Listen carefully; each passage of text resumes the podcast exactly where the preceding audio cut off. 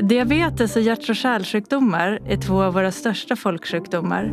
Men eh, vilka är orsakerna bakom dessa sjukdomar och vilka behandlingar fungerar bäst? Tove Fall och Johan Sundström använder registerdata och genetiska analyser från hundratusentals personer för att öka kunskapen om de här sjukdomarna och på sikt förbättra behandlingen. De är forskare i epidemiologi, ett forskningsfält där utvecklingen gått snabbt de senaste åren. Men hur är det nu, Tove? Är epidemiologi ett nytt forskningsfält? Nej, man brukar ju säga att epidemiologins fader är John Snow som levde i början på 1800-talet. Och eh, det var jättespännande för på den här tiden så härjade koleran i London. Och man hade alla möjliga teorier om vad det här kunde bero på. Om det var dålig luft eller vad det kunde vara. Men han satte sig med en karta och eh, satte små eh, prickar överallt där eh, de nya fallen uppstod. Och han upptäckte att det här sammanföll väldigt exakt med vattenpumparnas, mm. vilka de försedde. Då. Så han gick och skruvade bort pumphandtaget i det området där de hade flest utbrott. Och mm. så där, han lyckades stoppa koleraepidemin och epidemiologin var född. Ja. Och ofta förknippar man just epidemiologi med smittsamma sjukdomar och epidemier. Men eh, det handlar inte bara om smittsamma sjukdomar utan om alla sjukdomar. Och det vi håller på med just är hjärt-kärlsjukdom och diabetes. Mm. Mm. Ni, ni, har eh, lite olika inriktningar. Eh, du, Johan, jobbar med klinisk epidemiologi. Så du jobbar nära patienter. Medan du, Tove, jobbar med molekylär epidemiologi som handlar mer om genetiken. Om du skulle berätta lite om er forskning, vad är det ni håller på med? Um, ja, jag försöker använda några av de ganska unika svenska datakällor som finns för att ställa frågor till de datakällorna och få svar som kan hjälpa sjukvården eller, eller preventionsivrare. Så vi har, och, och, Sverige är ju ett lite unikt land för vi har våra register som har funnits eh, med oss väldigt länge, många av dem. Ehm, vi har eh, ett flergenerationsregister så vi vet vem som är släkt med vem och kan forska på ärftlighet i sjukdomar. Vi har ett eh, slutenvårdsregister som har funnits i hela landet sedan 1987 så vi vet vad alla har varit sjukhusvårdare för. Dödsorsaksregister har funnits ännu längre. Ett jättefint läkemedelsregister sedan 2005. Vi, vi har ett 20-30-tal olika register som många av oss inte ens känner till. Mm. Jag kan till exempel eh, gå, gå till myndigheten och be att få ut data om vad folk hade för betyg i årskurs 9. Ett sånt register mm. har vi också. Så storebror ser svenskarna ja. och det använder vi epidemiologer. Då. Men min vinkel på det här är då att försöka eh, svara på frågor som handlar om, om hur vi kan få människor att må bättre ganska konkret. Alltså är, det, är det vårdåtgärder vi ska börja eller sluta med? Är det preventionsåtgärder vi kan kan börja mm. och sluta med. Så då är det väldigt många olika faktorer man kan titta på då i de här registren? Ja, precis. Och framförallt så det, det både Tove och jag har jobbat mest med är kohortstudier. Och kohort är det gamla eh, jag tror att det kanske är grekiskt eller romerskt ord för en liten stridande enhet som man mm. kan tänka sig marschera fram över slagfältet med sköldar och spjut och sen så um, faller de ifrån en efter en mm. till fiendens pilar. Men mm vi ser kohorten då som en, en grupp av människor som vi följer framåt genom tiden och som då faller ifrån av cancer, och hjärtinfarkter och annat olyckor. Um, och en sån här kohort sätter vi ofta ihop um, genom att gå ut och bjuda in folk från befolkningen. Befolkningsstudier kallas de ibland också. Mm. Och så har vi då ett standardiserat frågebatteri. Som vi, vi frågar folk hur mycket de röker, och vad de äter och hur mycket de rör på sig. Och så, så kanske vi mäter deras kroppar och tar lite blod av dem. Och sen följer vi dem framåt genom tiden. De där, mm. Sådana kohorter har vi flera stycken i landet som är jättebra som vi använder. Då. Så att registren använder, använder vi främst för att se vilka sjukdomar de sen får. Men mm. också lite grann vilka sjukdomar de hade med sig in så att säga till kohorten. Mm. Det är ett vanligt sätt att använda våra register. Andra sätt som vi också använder är att vi kan eh, försöka göra kliniska prövningar mycket billigare än i andra länder. Så vi kan till exempel hitta folk som har en viss sjukdom så lottar vi dem till eh, behandling A eller behandling B och sen så följer vi dem i våra register. Och så blir det mycket billigare än att försöka träffa försökspersonerna igen och fråga hur de mår. Mm. Så på det här sättet har vi visat att vi kan göra kliniska prövningar ungefär 200 gånger billigare än vad man kan göra i andra länder. Mm. Så, så, så, vi har verkligen en orättvis fördel i Sverige med våra register. Mm. Och du då Tove, vad, hur, eh, hur ser ditt mm. forskningsfält ut? Molekylär epidemiologi? Ja, men som Johan berättade så eh, använder vi mycket samma utgångsdata. Men då tar jag den här skvätten blod eller urin eller ett avföringsprov mm. från de här personerna. Och det här kan ju vara sånt som har legat i frysen ett bra tag. Ja. Sen eh, använder vi ny teknik. Det har gått framåt otroligt mycket vad gäller till exempel att sekvensera våra genom. Sekvensera tarmbakteriernas genom eller använda metoder liknande de man använder vid dopingtester för att leta efter spår av olika exponeringar eller sånt som kroppen själv har tillverkat. Och så har vi då den här jättestora mängden data. Det är som en höstack och sen använder vi då mm. Eh, smarta studiedesigner och rätt statistik för att identifiera nålen i höstacken. Vad är det som liksom driver sjukdomen framåt? Vad är det mm. som gör att människor får de här sjukdomarna? Mm. Och då är det så fantastiskt, så då blir biobanken eller de här kortstudierna som en tidsmaskin.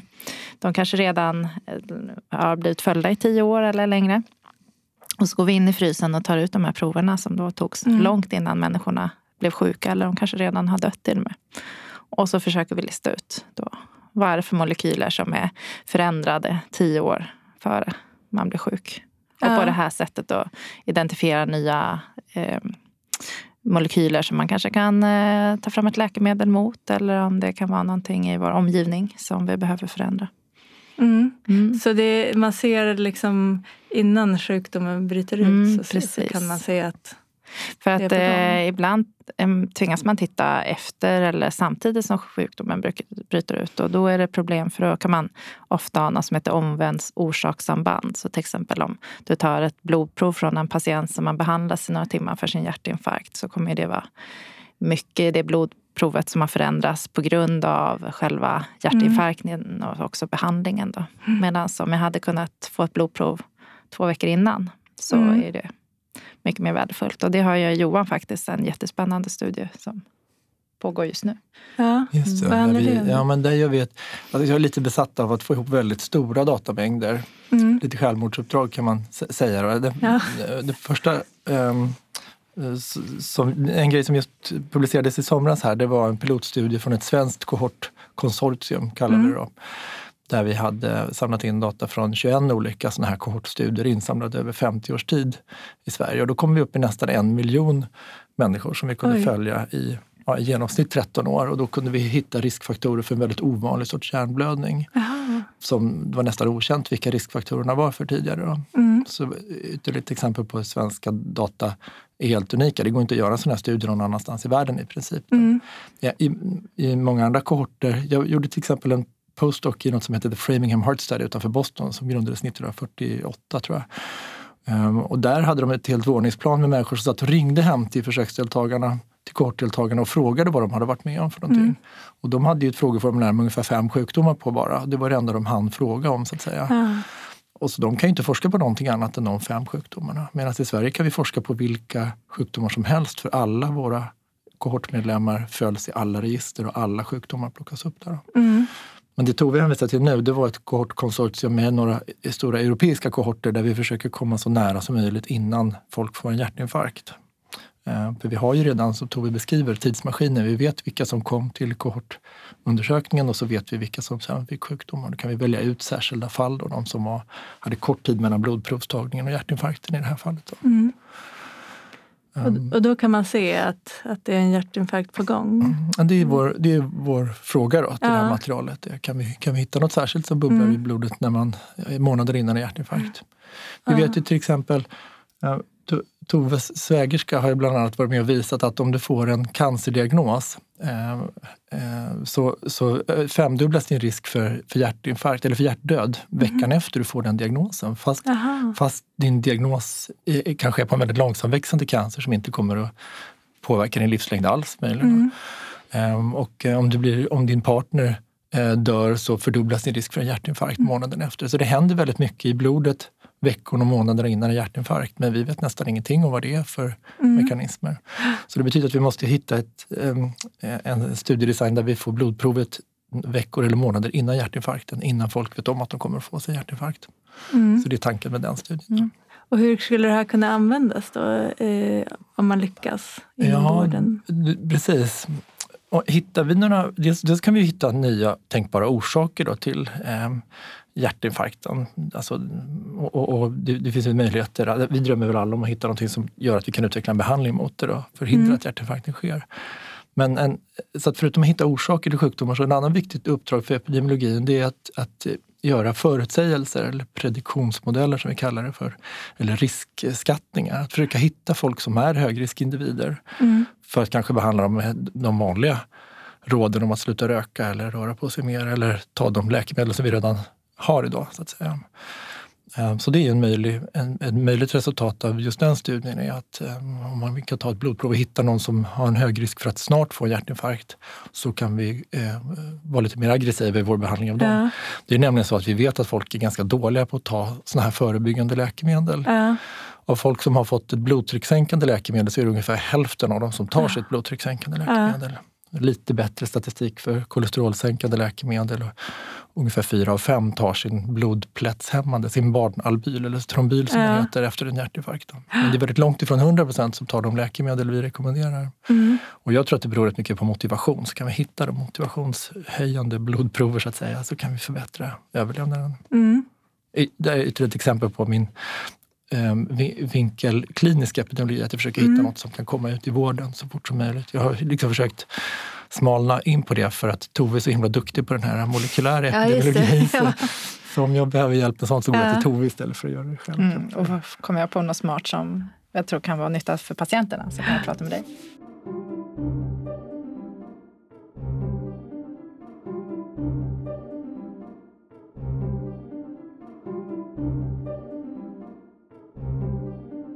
Ni samarbetar ju en del. Till exempel så, så pågår ett projekt om hur tarmfloran påverkar ämnesomsättningen. Mm, precis. Eh.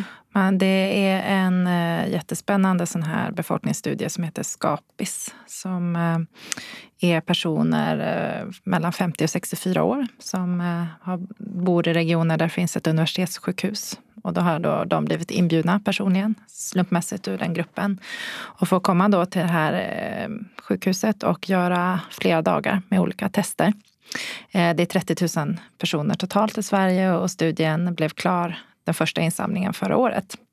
Och det som är unikt för den här studien är att man har gjort väldigt detaljerade mätningar på kranskärlen, alltså hjärtats egen blodförsörjning. Eh, och även halskärl och andra mm. delar av kroppen med avancerad bilddiagnostik. Då. Och eh, här är Johan den som leder arbetet lokalt och eh, vi andra forskare är ju superglada för den här resursen och jag såg till att lägga till ett avföringsprov Jaha. här i Uppsala. Så det är inte gjort på alla mm.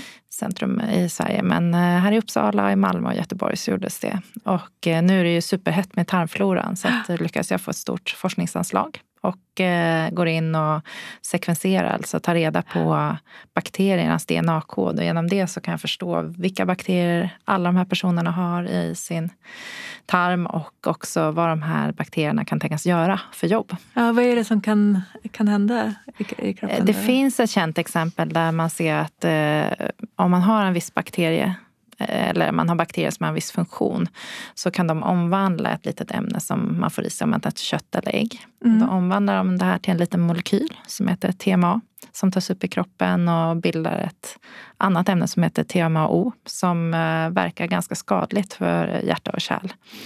Eh, men det är bara personer som har just den där bakterietypen som mm. får den här omvandlingen. Annars så eh, bildas inte det ämnet. Mm. Eh, och vi är på jakt efter andra sådana ämnen och också lära oss mer om de här. Det går ju då om man kommer på vad det sådana här skadliga faktorer eller skyddande faktorer så kan man påverka tarmfloran. Mm. Man kan också tänka sig att man ger ett ämne som stoppar just det här enzymet som bakterierna gör som gör de här omvandlingarna. Mm. Så att, eh, det ska vi eh, göra. Det blir världens största studie där vi har mätningar av åderförkalkning och den här noggranna mätningen tarmfloran. Så det är superspännande. Jag har mm. precis anställt två unga duktiga forskare som ska ta tag i det här. För det är så att Johan och jag klarar inte av att göra alla de här analyserna själva utan eh, vi kommer med idéer, vi söker tillstånd, ser till att få tillgång till data och så har vi ofta yngre personer då som sitter och eh, får leda de här analyserna och sammanställa Och då är det väldigt mycket, handlar väldigt mycket om att jobba vid datorn då? Att, att Absolut. processa data? Jag har inga spännande bilder när Nej. media vill komma och ta Nej. bilder på mig så är det vi och våra datorer. För det måste ju vara väldigt mycket jobb då när, när det handlar om så mycket data som ska sorteras. Det, det är, då, ja. då, då, behövs avancerad IT. Det, ja, dels behövs det väldigt mycket pengar för att samla mm. in sådana här studier. Mm. Så vi är oerhört tacksamma till, för Hjärt-Lungfonden till exempel som har varit huvudsponsor för Skapi-studien som har gått in med flera hundra miljoner i ja. det här. Och, sen är det ju eh, ja, ett hundratal forskare ska säga, som, som har jobbat hårt med att samla in data på sex olika ställen i mm. fem års tid ungefär. Mm. Och nu så är vi helt beroende av eh, våra bra biobanker där Uppsalas biobank ligger väldigt långt fram. Ehm, för att, för att vara säkra på att proverna ligger tryggt och vi lätt kan få tillgång till dem. Och sen så är vi beroende av eh, våra superdatorkluster. Mm. Tove använder mycket mm. Uppmax ja, till exempel. här. Och där använder jag en speciellt särskild del som är skyddad så att ingen obehörig ska komma åt data. Ja, och så klart. har vi tagit bort, det finns ju inga namn eller personnummer någonting. Ja. Men vi är ändå väldigt noga med att ingen ska komma åt de här data för att man ska få mm. ja, det är väldigt viktigt, information. Så det är jättestora samarbeten över många års tid. Mm. Mycket hårt arbete, men, men som du säger, ganska mycket mm. eh, kontors, kontorsmiljö. Så att ja, säga, ja, och, eh, när media kommer får man alltid sätta på sig vita kläder och gå ner och bli fotograferad på sjukhuset. Även om det faktiskt är framför datorn man gör större delen av sitt arbete. Eller i telefonkonferens. Ja, precis. Och just med den här skapestudien kan jag nämna att det här tarmflorprojektet är bara en liten delstudie. Det kommer hända jättemycket spännande saker och massor av projekt på gång. Så ja. att Skapis är liksom ramverket. Mm. Så man kan göra väldigt många olika studier mm. och använda mm. samma material. Då. Precis, och där är det ju nu, vi har ju så mycket data. Det gäller att, eh, det försöker jag säga till mina doktorander, att eh, det viktigaste är att formulera sin forskningsfråga från mm. början. Mm. Vad är det vi faktiskt vill veta? Och utefter det kan man sen då se vilka material ska vi använda? Ska vi gå utanför Sverige som Johan har behövt göra ibland? Mm. Hur ska vi designa den här studien? Kan vi svara på frågan genom att använda det här materialet? Eller måste vi sätta upp en ny studie? Och så är det ju ibland också att vi måste, man måste börja om lite. Mm. Ja, precis. Så forskningsfrågan är central. Och nu ja. har vi eh, en, med den här nya tekniken som kan generera då eh, massor av DNA-kod till exempel eller mätningar av massor av molekyler så gillar du verkligen att eh, hålla huvudet kallt och tänka på vad är det jag vill ta reda på, vad är det som är viktigt. Ja. ja och inte så, drunkna så i sina siffror. den här nålen i höstacken. Då. Ja, och veta, ja. precis, veta vad man letar efter. Mm, ja. precis. Och man kan säga att alla de här forskningsmetoderna eh, specialiseras och utvecklas mer och mer så det är väldigt sällan en forskare eller en forskargrupp kan ha så här många tekniker i, inom sig. Så, att, så att vi, det blir ju att vi automatiskt samarbetar. Så Tove jag har hittat ett jättebra sätt att samarbeta och behöver vi eh, titta titta på en genetisk koppling så går vi till ett internationellt datasätt som redan mm. finns publicerat. Behöver vi hitta mekanismerna för just den här genen då kan vi gå till Marcel och hans zebrafiskar och få hjälp med att se hur den genen mm. fungerar där. Så, mm. så det blir väldigt mycket samarbetsprojekt. Med, Zebrafiskar, det kanske du måste förklara. lite. Du får ta hit Marcel får han förklara själv. ja, just. Men det finns alltså här? Ja, det finns olika djur, djurmodeller helt enkelt där man kan försöka äh, slå ut en gen och se vad som mm. händer med djuret. Eh, så, så den, hela den kedjan har vi mm. möjlighet att om man har en bra forskningsfråga så kan man använda olika sorters tekniker för att mm. svara på den. Mm. Ehm, men, men det, forskare blir mer och mer plattformsspecialister kan man säga. Ja. Liksom, där, där jag blir mer och mer en um, fenotypare som vi kallar det. Det vill säga jag har tillgång till de stora befolkningsmaterialen och blir mer och mer en mäklare i svenska forskningsdata mm. och där forskare kommer till, till mig eller till oss för att för att uh, komma åt väldigt bra material mm. helt enkelt. Mm.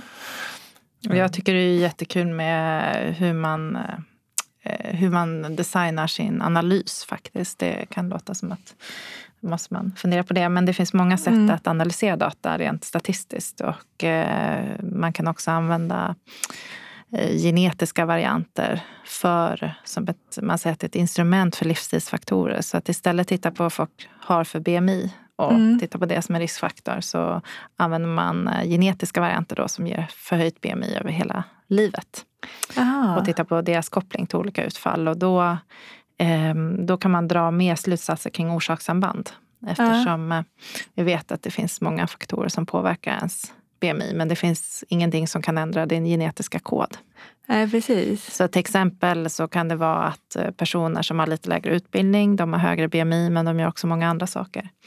Och då om jag ser en koppling mellan BMI och till exempel hjärtinfarkt så kan det ha berott på att de här personerna då har haft ett ohälsosamt livsstil. Eller ja. gjort något annat då som har att göra med deras utbildningsnivå.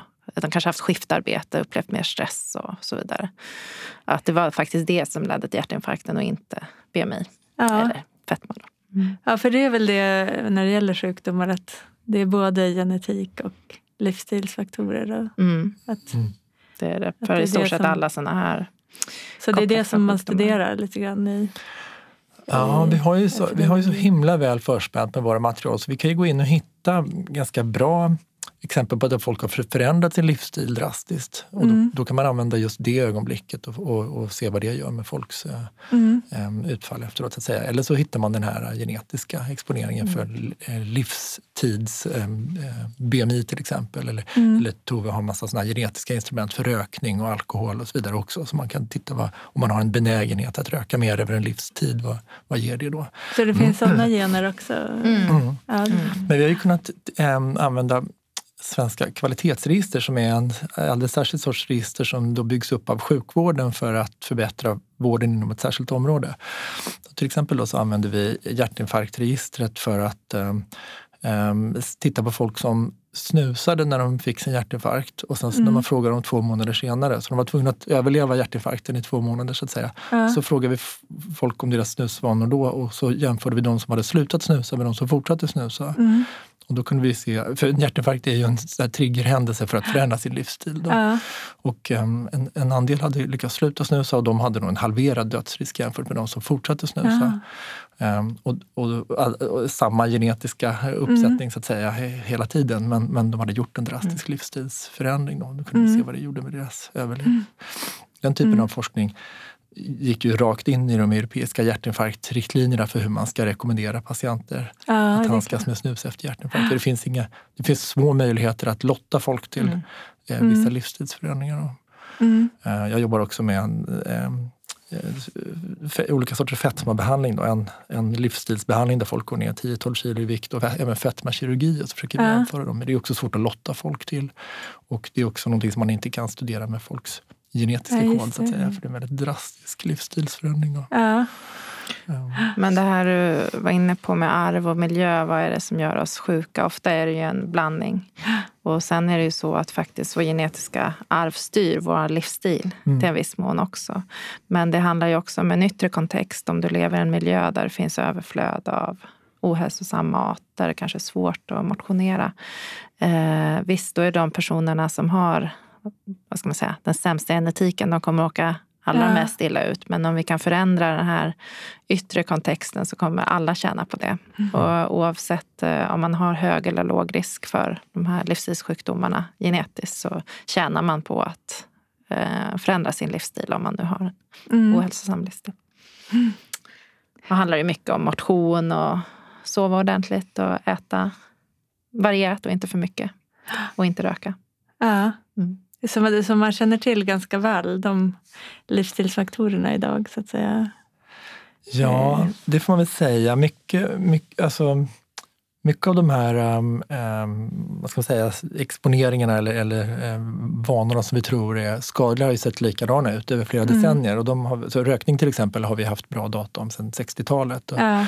Man kan ha förändrat um, kryddningen eller malningen eller, eller tillsatserna lite grann i, i, rökt tobak över tid. Men, men i allt väsentligt så ser rökning likadant ut mm. som, som riskfaktor betraktat sedan 60-talet när de första datorna kom ut om mm. rökning. Um, så det känner vi till väl. Andra livsstils komponenter ändrar sig över tid och mm. framförallt så får de en annan bakgrund. Då, eh, som, som Tove pratar om att att um, idag så har vi till exempel um, lite lägre blodtryck och lite lägre kolesterol än vad man hade för 20 eller 30 år sedan. Men å andra sidan är man fetare och har ja. högre triglycerider och högre blodsocker. Mm. Uh, och, och det är anledningen till att vi gör nya såna här kohortstudier som Scapis som vi just pratar om, är att vi måste se hur, hur um, vilken skada gör de här kända eh, riskerna, rökning till exempel, mot den här bakgrunden av lite fetare människor med lite högre socker ja, ja. jämfört med de lite smalare med lite högre ja. blodtryck för 30 år sedan. Mm. Så det förändras hela tiden? Ja, så varje generation mm. behöver liksom sin kohortstudie som avspeglar befolkningen då kan man säga. Ja. Eh, Medan vi kan ändå ha stor nytta av de äldre kohorterna eh, för att många av riskfaktorerna ser likadana ut. Då. Mm. Mm. Men sen är det en stor utmaning att även om vi vet eh, vad som eh, till stora drag hur, eh, vad som är en hälsosam livsstil. Så hur når vi dit? Ja. Människan är ju liksom... Eh, Verkligen. Eh, mm. Ja, vad ska man säga? Många är ju...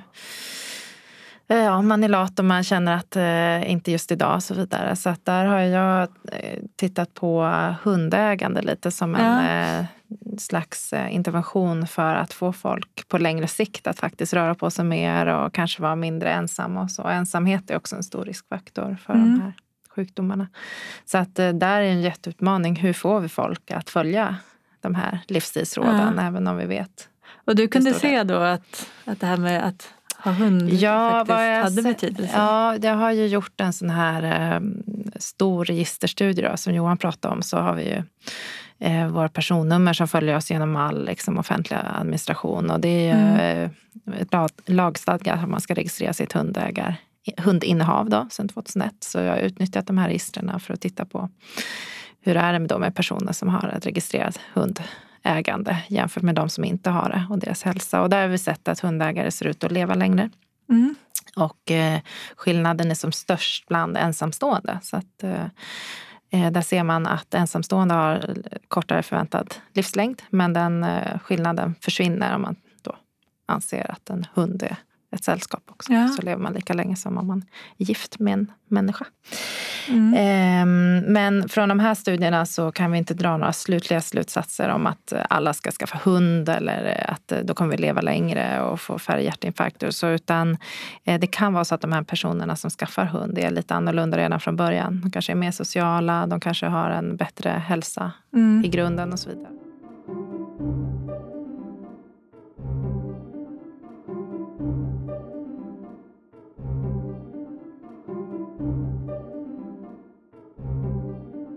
Så det är liksom lite, lite komplext det här att ja, hitta orsakssamband? Jättesvårt och det är väl epidemiologins stora utmaning. Mm. Och eh, kanske med rätta kritiseras ibland för att det är väldigt lätt att hitta korrelationer i de här stora datasätten. Om jag tittar på ett blodprov till exempel från en person med diabetes och en som inte har diabetes så kommer nästan hälften av alla små molekyler i blodet, deras nivåer kommer att vara förändrade. Mm. Men det betyder inte att alla, alla de här molekylerna bidrar till sjukdomsutvecklingen. Så att om man går ut då, och det är samma sak om vi tittar på enkätdata, att eh, personer som har eller kommer få diabetes, de svarar annorlunda på sina frågor. Till exempel ser man personer i England som har fler bilar lever längre. Mm. Eh, men eh, det betyder inte att det är bilen i sig. Den är ju markör för någonting annat. Då, att man kanske har det gott ställt när man är äldre jämfört med de som har färre bilar. Eller så ja. så det är jätteviktigt att försöka komma från korrelation till orsakssamband. Och där har vi ju en del trick vi håller på med, men eh, det är inte lätt. Nej, Nej och omvänt är det också så att um, den, den liksom genetiska uh, kopplingen mellan en, ett till exempel BMI som du kan räkna ut vilket BMI man genetiskt borde ha med hjälp av ett genetiskt instrument och någons blodtryck. Den kanske skulle då ge ett löfte om att om du kan gå ner 10 kilo i vikt mm. så går du ner 2 millimeter i blodtryck, i systoliskt blodtryck också. Mm. Ehm, men det är inte riktigt säkert att det går att realisera hela den vinsten Därför att ähm, sättet man går ner i vikt på kan vara viktigt också. Mm. Så det är en intressant um, grej som vi gör i, ihop, eller mm. var och en för sig, ja. men vi pratar om åtminstone, att Tove har visat hur mycket eh, man skulle kunna gå ner i blodtryck om man går ner i vikt mm. med, sin, med, en genetisk analys. Och jag försöker titta på två olika sätt att gå ner i vikt. Då. En fetmakirurgi och en, eh, en, en livstids, kraftig livstidsomläggning. Då. Mm. Och de ger ju olika, de uppfyller det här genetiska löftet till olika grad. Alltså mm. fetmakirurgin ger bara halva uppfyllnaden av det där löftet. Aha. Och livstidsförändringen ger ännu större blodtryckssänkning då, än vad den genetiska mm. eh, viktminskningen borde mm. Så det där är ju viktigt också för att koppla de här orsaksfynden till vad kan, vad kan de människor göra så att säga. Då? Ja. För man kan ju tänka sig att när jag har tagit fram mina genetiska instrument så är få av de individerna eh, fetmaopererade. Ja, det är precis. ju snarare att de mm. som har lägre BMI i befolkningen har då kanske uppnått det genom livsstilsförändringar mm. till en högre utsträckning. Mm. mm. Så att, eh, Ja, så, så, så båda de här perspektiven är viktiga och det är viktigt att vi träffas och pratar om mm. det här. Och det, mm. så det är alltid, man, efter ett möte med Tove så går man alltid därifrån med tio nya idéer. ja. Om att, just det, det här måste jag, jag, tror, jag litar inte på det, att det där går att realisera Nej. i verkligheten. Jag vill, jag vill testa det här på, det. I, i, min ja. kohort eller på mitt ja. sätt. Liksom. Så att de här mötena är otroligt viktiga. Ja. Det förstår jag. Och det är, det är väl också eh, internationella samarbeten kan jag tänka mig. Att, att det, det är ju hur, hur fungerar det internationellt det här forskningsfältet? Mm. Forskar man på ungefär samma saker eller är det liksom det, olika man kan olika säga länder? Att eh, just inom hjärt-kärlsjukdom och diabetes så finns många av de eh, duktigaste epidemiologerna cancer är en andra stora område skulle jag säga. Men eh, mina kollegor runt om i världen som jag reser och hälsar på mm. och har mycket kontakt med, det är de som är riktigt duktiga på att ta fram nya metoder och räkna på det här. Mm. För det kan man inte få in liksom i, i vår grupp, att vi både ska ta fram nya metoder och använda dem. Så därför försöker jag samarbeta med personer som är så klipska så att de tar fram nya bra metoder för det här. Ja. Eh, sen är det också andra forskare som håller på med liknande typ av forskning som mig som har andra kohorter som Johan nämner här, att eh, bygga upp de samarbetena. Mm. Jag skulle säga att det allra viktigaste för mig är att ha eh, bra personer att diskutera analysmetoder med. Mm.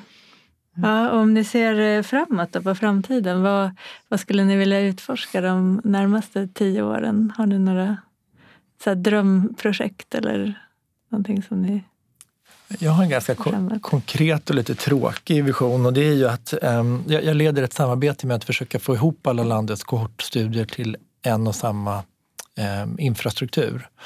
Så att en forskare ska kunna gå inte bara till en kohort och ställa en forskningsfråga utan få 99 andra kohorter på köpet så att säga och få mycket större statistisk kraft. Mm. Um, jag nämnde det här konsortiet som, som vi hade gjort en pilotstudie av med nästan en miljon svenskar som har varit med i kohorter. Och, och eh, det, finns, det finns sex eller sju gånger så många kohorter som vi skulle kunna försöka få in. Och det är ju skattepengar som har gått in i de här kohorterna. Eh, i allmänhet någon gång i tiden. Ehm, och, och, vi försöker blåsa nytt liv i dem. Alltså vi försöker skapa en ny infrastruktur för att ytterligare liksom, öka värdet av svenska data. Ehm, så jag skulle vilja se fler ehm, att, att fler efterfrågar en sån resurs och att fler använder större material i sin forskning istället för att komma ut med massa slumpfynd som inte går att mm. Eh, återupprepa i andra sammanhang.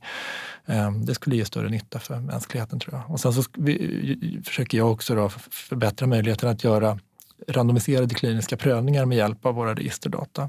Mm. Och myndigheterna, Socialstyrelsen, är väldigt intresserade av att förse oss med data en gång i kvartalet eller något sånt där för att underlätta den här typen av forskning. Så jag tror att vi är väldigt många som förstår värdet av svenska för data. För att då kunna förbättra behandlingen? Ja, för att kunna lotta folk till två olika mm. behandlingar och följa dem med hjälp av våra register helt mm. enkelt.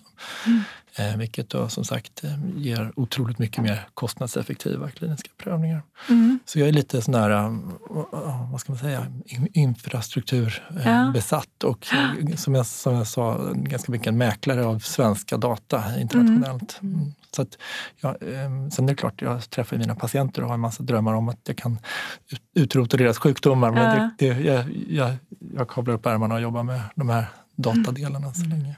Mm. Du då Tove? Jag sitter och tänker på hur fantastiskt det är att jobba här vid Uppsala universitet i Sverige och ha tillgång till den här fantastiska infrastrukturen och nätverk. Och folk har väldigt stor samarbetsvilja också.